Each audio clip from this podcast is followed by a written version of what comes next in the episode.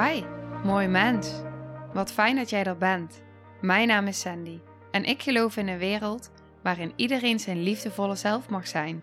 In deze podcast praten we openlijk over alle struggles die je tegenkomt op het moment dat je tegen jezelf aanloopt. Vanuit mijn kennis en ervaring deel ik levenslessen en geef ik je inspiratie hoe jij vanuit pijn en angst weer voor liefde en vertrouwen kunt kiezen, zodat jij, dwars door het donker, de weg terug kunt vinden naar het licht in jezelf. Welkom bij de Liefdevolle Strijder Podcast.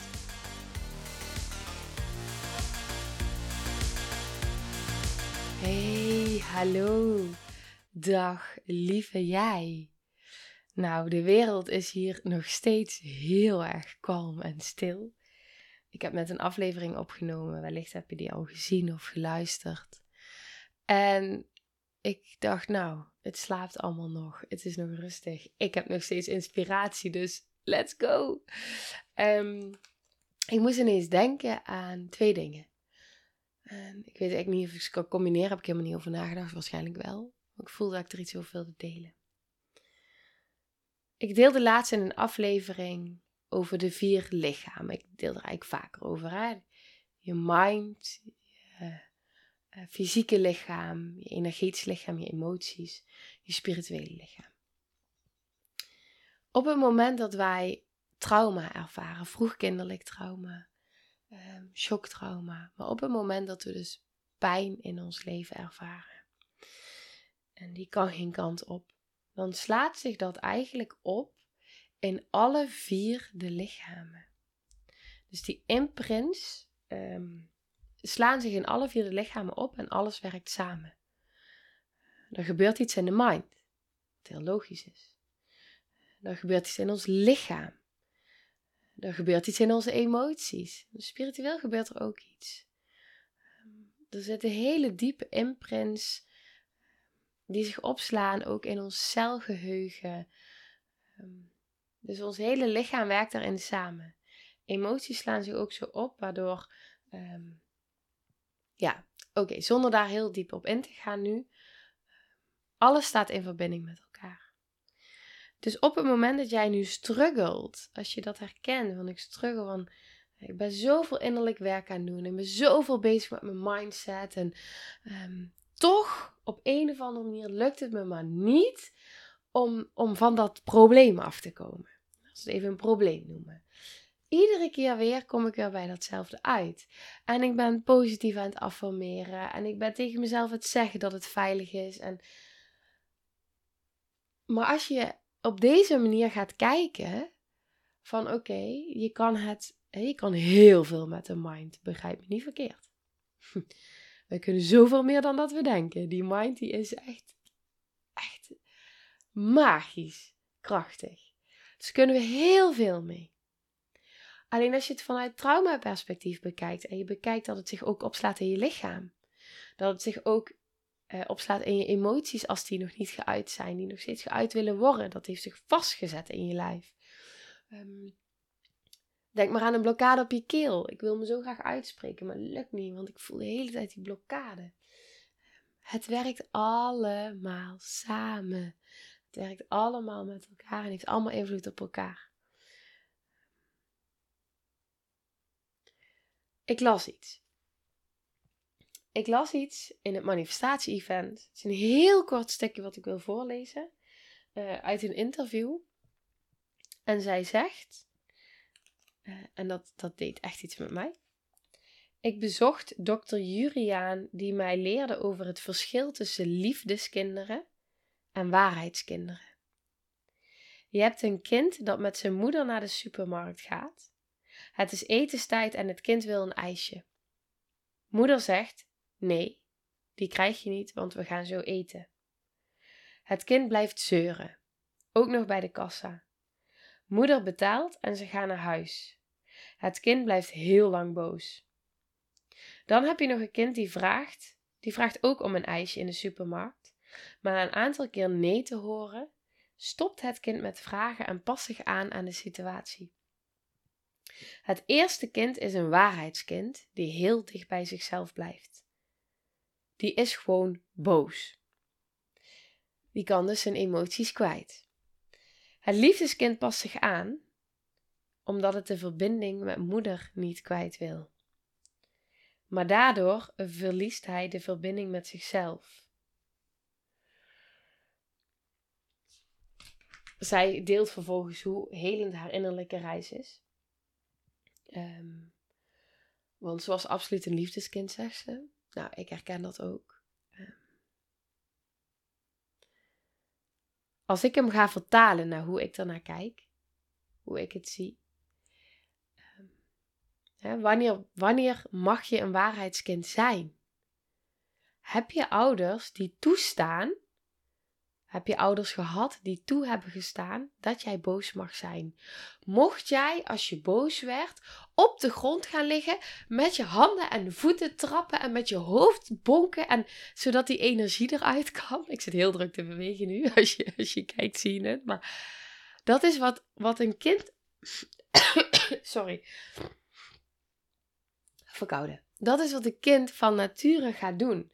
Een kind gaat van nature, misschien heb je het wel eens gezien, die gaat op de grond liggen, die gaat met die armen en voeten trappen en die gaat met het hoofd op en neer. Die wil die energie eruit bewegen. Die is boos. Misschien gaat hij ook wel schreeuwen.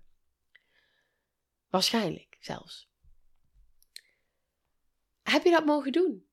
Heb je als kind boos mogen zijn? Mocht jij een waarheidskind zijn? Of had je al in de baarmoeder of misschien net daarna, leerde je al um, om voor je moeder te zorgen. Leerde je al om niet in verbinding te blijven met jezelf. Um, maar werd je dat, om het zo maar even te zeggen, het liefdeskind. Het kind wat alles deed um, om liefde te ontvangen. Wat alles deed om veilig te zijn, om leuk te zijn, Mocht jij een waarheidskind zijn, mocht jij boos zijn. Want kun je je voorstellen, als je het hebt over die vier lichamen, wat het doet aan imprints, als jij dat, als dat jou niet toegestaan is, wat doet het fysiek? Als jij zoveel spanning voelt in je lijf die eruit wil, maar hij mag er niet uit. Je gaat, wat ik net in de vorige aflevering deed, je gaat je vuisten ballen. Het kan geen kant op. Wat ga je doen? Um, dus die spanning die slaat zich op. Letterlijk, die, die, moet ergens heen. Dus je gaat je aanspannen. Je lichaam gaat zich aanspannen, gaat continu onder spanning staan. En weet niet meer hoe die zich moet ontspannen. Dat is een gevolg. Um, dus als je je moeilijk kan ontspannen, waar komt die vandaan? Oké, dan heb je um, je, je emoties. Je emoties die kunnen er niet uit. Dus wat gebeurt er met je emoties? Die gaan zich vastzetten in jouw lichaam. Daar komen blokkades, emotionele blokkades. Uiteindelijk kun je gaan zien dat je daar fysieke klachten gaat krijgen. Iedere fysieke klacht is een uiting van onverwerkte emoties. Is mijn waarheid. Ehm, oké, en niet alleen de mijne, maar van heel veel andere mensen. Uh, maar dit is wat ik keer op keer bevestigd zie bij mezelf en bij anderen. Ehm, dan heb je je mind. Wat gaat je mind doen? Het mag er niet zijn. Ehm, ik moet me aanpassen. De pleaser komt naar voren. dat, dat is wat je. En, en nog zoveel meer. Ehm, je gaat jezelf dus onderdrukken. En dan heb je nog het spirituele aspect. mag jij helemaal jezelf zijn zoals je werkelijk bent? Jezelf helemaal uiten, jezelf helemaal exploderen, mag je die, die levensvreugde die in jou stroomt, hè, die, die ook stroomt, die, die levensenergie, die stroomt ook door boos te mogen zijn. Het is energie die beweegt ehm, door jou heen. Dus mag jij uh, zijn wie je werkelijk bent of split je jezelf af? Moet je jezelf afsplitsen? Um, omdat niet alles van jou welkom was. Even los, het geen oordeel naar ouders toe. Ook hun trauma, ook hun pijn, ook hun manier van uh, omgaan met. Dus, dus even helemaal los van hun. Het gaat over jou. Um,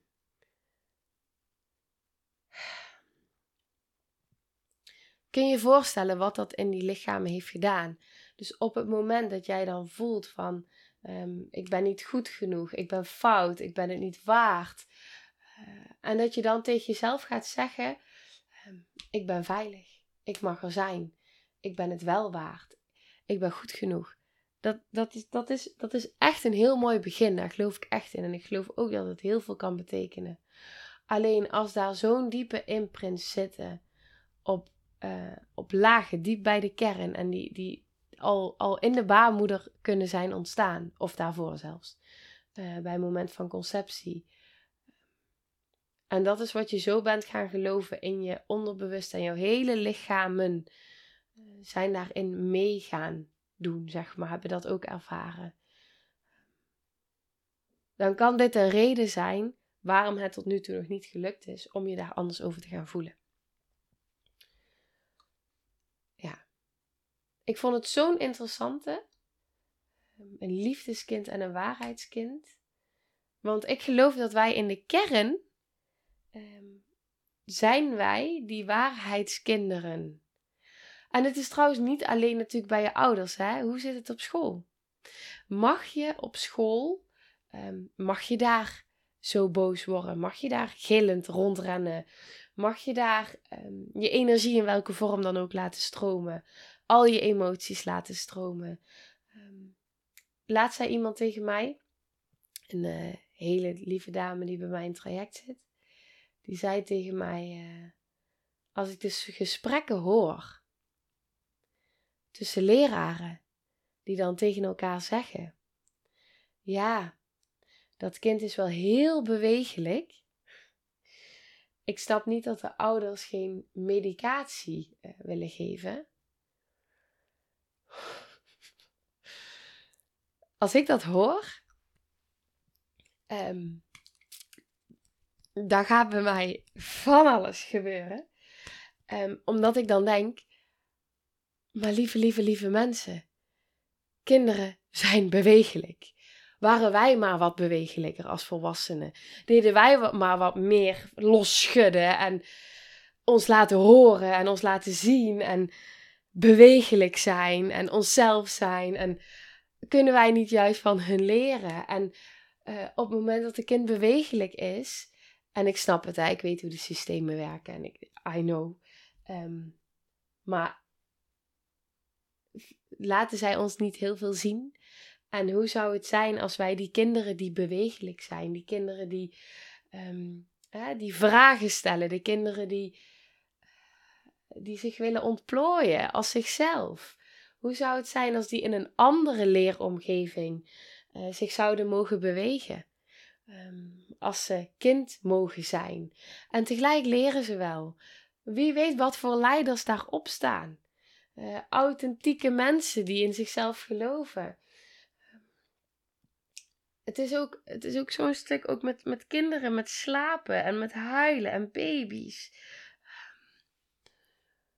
Dat, er wordt zo gezegd aan alle kanten: kinderen, baby's moeten zelfstandig slapen. Ze moeten het alleen doen. Um, laat ze maar huilen, het houdt vanzelf op. Maar worden we niet juist zelfstandig doordat we het in het begin niet alleen hoeven doen, maar doordat we gedragen worden, geborgen, gehoord, gezien, veilig, bedding, dat we, aan, dat we mogen zijn, dat al onze emoties er mogen zijn, dat, en terwijl ze er zijn, dat we een gereguleerde ouder hebben die ons vasthoudt, die ons liefde geeft. Die, ons, die, die tegen ons aankomt liggen en bij ons slaapt, als we die behoefte voelen zodat we voelen dat we in zo'n veilige, warme bedding hier op aarde landen en mogen zijn. En dan vanuit daar zelfstandig worden. Is dat niet juist de weg? In plaats van meteen in je eentje moeten gaan liggen en alles alleen moeten doen. En um, alleen liggen huilen. En daarna alleen in. Wij waren vorig jaar op vakantie, zag ik op een gegeven moment. Um, ik observeer heel veel. En ik zag op een gegeven moment, sorry als dit triggerend is, want ik kan me voorstellen dat ik echt hele triggerende dingen zeg nu. Um, en toch ga ik het zeggen, um, omdat ik weet dat ook op het moment dat ik uh, vanuit liefde iets, iets kan zeggen wat je zo kan triggeren, en het raakt iets in jou, uh, dat ik ook weet dat dat ook heling aan je kan brengen. Op het moment dat je daarnaar kan kijken en bereid bent om daarna te kijken van hé, maar wat gebeurt er nu in mij? Kan ik dit in mezelf herkennen? Herken ik dit? En wat doet dit met mij? ik zag op een gegeven moment ook ouders eh, met een kindje van een jaar of drie, denk ik, vier. En, eh, en dat kindje was heel erg verdrietig. Echt heel erg verdrietig. En die, ehm, die stond alleen in een hoekje. Uh, terwijl moeder en dochter selfies aan het maken waren. En um, het raakte mij zo. Hè? En ik weet de hele situatie niet. Dus ik kan er ook helemaal niet over oordelen. Maar wat het in mij deed. Het raakte mij zo om dat kindje daar zo alleen te zien staan. Uh, dat ik dacht, ja, je, je, hebt gewoon liefde nodig. En een knuffel. En uh, geborgenheid dat het oké is. En dat je tranen aan mogen zijn. Maar dat je het niet in je eentje hoeft te doen. Ja. Maar dat was mijn waarneming. Dus dat zegt ook iets over mij. dat weet ik. Um, ja. Maar het, het, het heeft dus effect op al onze lichamen. Dat is wat ik in deze afleveringen met je wil delen. En um, kunnen wij emoties gaan zien als iets heel moois, als iets natuurlijks. Uh, bij mij zit er ook echt heel veel lading op woede. Echt, daar heb ik echt nog wel stappen in te zetten ook. Dat weet ik ook van mezelf. Um, maar ik weet één ding en dat is wat ik met mezelf heb afgesproken en aan mezelf heb beloofd. Iedere woede die er van mijn kinderen ooit wil zijn, um, laat het dan maar zijn. En, um, en misschien gaat dat tegen alle, alle patronen of wat dan ook in die ik om me heen zie. Um, maar als mijn kind de behoefte voelt om te schreeuwen, misschien dat ik mezelf dan ook kan toestaan om te zeggen: laten we het samen schreeuwen. En ik ga gewoon even met je meedoen. Uh, om het dan maar eens even uit te laten. Want het raakt ook iets in mij als je schreeuwt. Oh, wacht, dat is interessant. Misschien mag ik dan ook even schreeuwen. Dat komt nu maar op. Zover ben ik natuurlijk helemaal niet. Want op die leeftijd is, uh, zijn mijn kinderen nog niet. Uh, het is wel bijzonder, hè? want ik praat al zo in, in kinderen nu. Omdat het kindje in mijn baarmoeder zo al voelbaar en aanwezig er is. Eh, maar ik wil ze opvoeden tot waarheidskinderen. Ik, ik wil dat zij waarheidskinderen mogen zijn. En dat als zij boos zijn. Ik zeg nu ook al wel eens tegen Noah dat op het moment dat iets niet mag. Um, ik probeer zo min mogelijk te, op, op te voeden in, in uh, mag wel en mag niet, wel en niet goed, zeg maar. Um, maar soms, die grenzen zijn ook nodig en belangrijk. Uh, dus die wil ik ze ook bieden, want het geeft ook veiligheid. Dus soms is er gewoon iets echt niet oké. Um, en dan geef ik dat ook aan. En dan zeg ik ook, het is ook oké als je teleurgesteld bent. Mag er zijn. Je mag teleurgesteld zijn. Is ook niet leuk. En dat snap ik ook. En dus laat het dan maar zijn wat je voelt. Um, en dat is hoe ik mijn kinderen wil opvoeden. Als waarheidskinderen. Um, ja, ben maar boos. Je mag boos zijn dan hoeft het niet op te slaan in al die lichamen, maar dan kan het gewoon vrij stromen. Ehm, dat is ook levensenergie. Nou, ik hoor dat de honden van de buren wakker zijn geworden. Um, ondertussen zijn Noah en Bram ook wakker geworden, hoorde ik al. Dus ik ga hem ook afronden nu. Ik denk ook dat het goed is voor nu deze aflevering. Um, ja, maar ik gun je dat je dichter bij jezelf mag komen. En dat je uh, misschien daar waar je bent hè, geconditioneerd opgegroeid als een liefdeskind, uh, dat je nu een waarheidsmens mag zijn. Die dicht bij zichzelf mag zijn, je authentieke zelf. Dat je mag ontdekken wie je bent, wie je wil zijn. Dat je helemaal daarmee uh, uh, jezelf tot uiting kan brengen. want dat wat er misschien ooit niet was, of wat je hebt gemist, dat kun je nu nog in jezelf geven en integreren en toe gaan staan om dat te laten ontplooien. Ehm, dat kun je. Dat kun je gewoon in jezelf gaan ontdekken.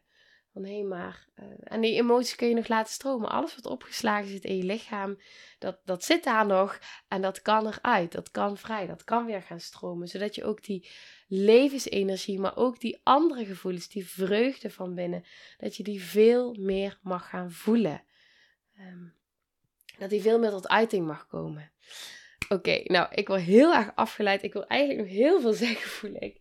Um, Maar ik hoop dat je hier wat aan hebt. En dit is een, dit is een proces wat, als het eenmaal is begonnen, ehm, dan wil je alleen maar. Dit is echt mijn ervaring en dat zie ik ook om me heen.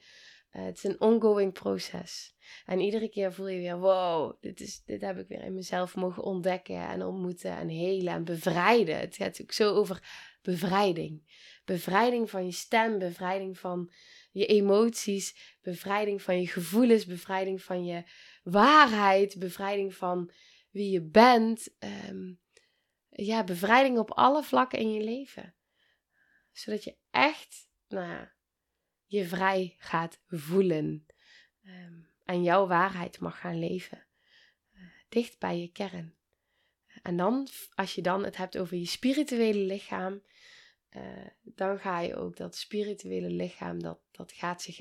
Ja, dat, is zo, wat, wat dat, echt die voldoening en um, die vervulling uh, die je dat gaat geven, dat is, uh, dat is ongekend. Echt ongekend. Dus um, ja, dat gun ik je. Dat gun ik je echt. Ja, oh, het is weer wat stiller buiten. Ik hoop dat je geen last hebt gehad van de blaffende honden. Ik ga het ook even aan mijn VA doorsturen, dat ze er ook nog even naar kijkt of ze daar nog eventueel iets mee kan doen. Um, maar ik wilde wel nog even doorgaan met opnemen, dus ik hoop dat het meeviel. En anders sorry daarvoor, maar uh, ja, ik hoop dat je vooral de waarde uit deze aflevering meeneemt. En, uh, kijk hoe dit voor jou werkt. En uh, ja, wat je hiermee kan voor jezelf. Oké, nou ik ga hem afronden voor nu. Ja. Ik wens je een hele fijne dag. Heel veel liefs en tot de volgende aflevering. Doei doei. Nou, lieve mensen, ontzettend bedankt voor het luisteren. Ik ben heel benieuwd wat je van de aflevering vond en welk inzicht je eruit hebt gehaald. Mocht je nog vragen hebben of is er een onderwerp waar je meer over wilt weten, laat het me dan weten. En wie weet neem ik het mee in een van de volgende afleveringen. Als je het leuk vindt, kun je de aflevering delen. Of maak een screenshot en tag me op Instagram. Want ik vind het echt super tof om te zien wie er luistert. De link van mijn Instagram staat in de beschrijving bij de podcast. En wil je blijvend geïnspireerd worden? Klik dan op abonneer of volgen in de podcast-app waarmee je luistert. Dat zouden ik en alle toekomstige luisteraars enorm waarderen. Want dat zorgt er namelijk voor dat de podcast beter gevonden wordt. Nogmaals, dankjewel voor het luisteren en heel graag tot de volgende aflevering.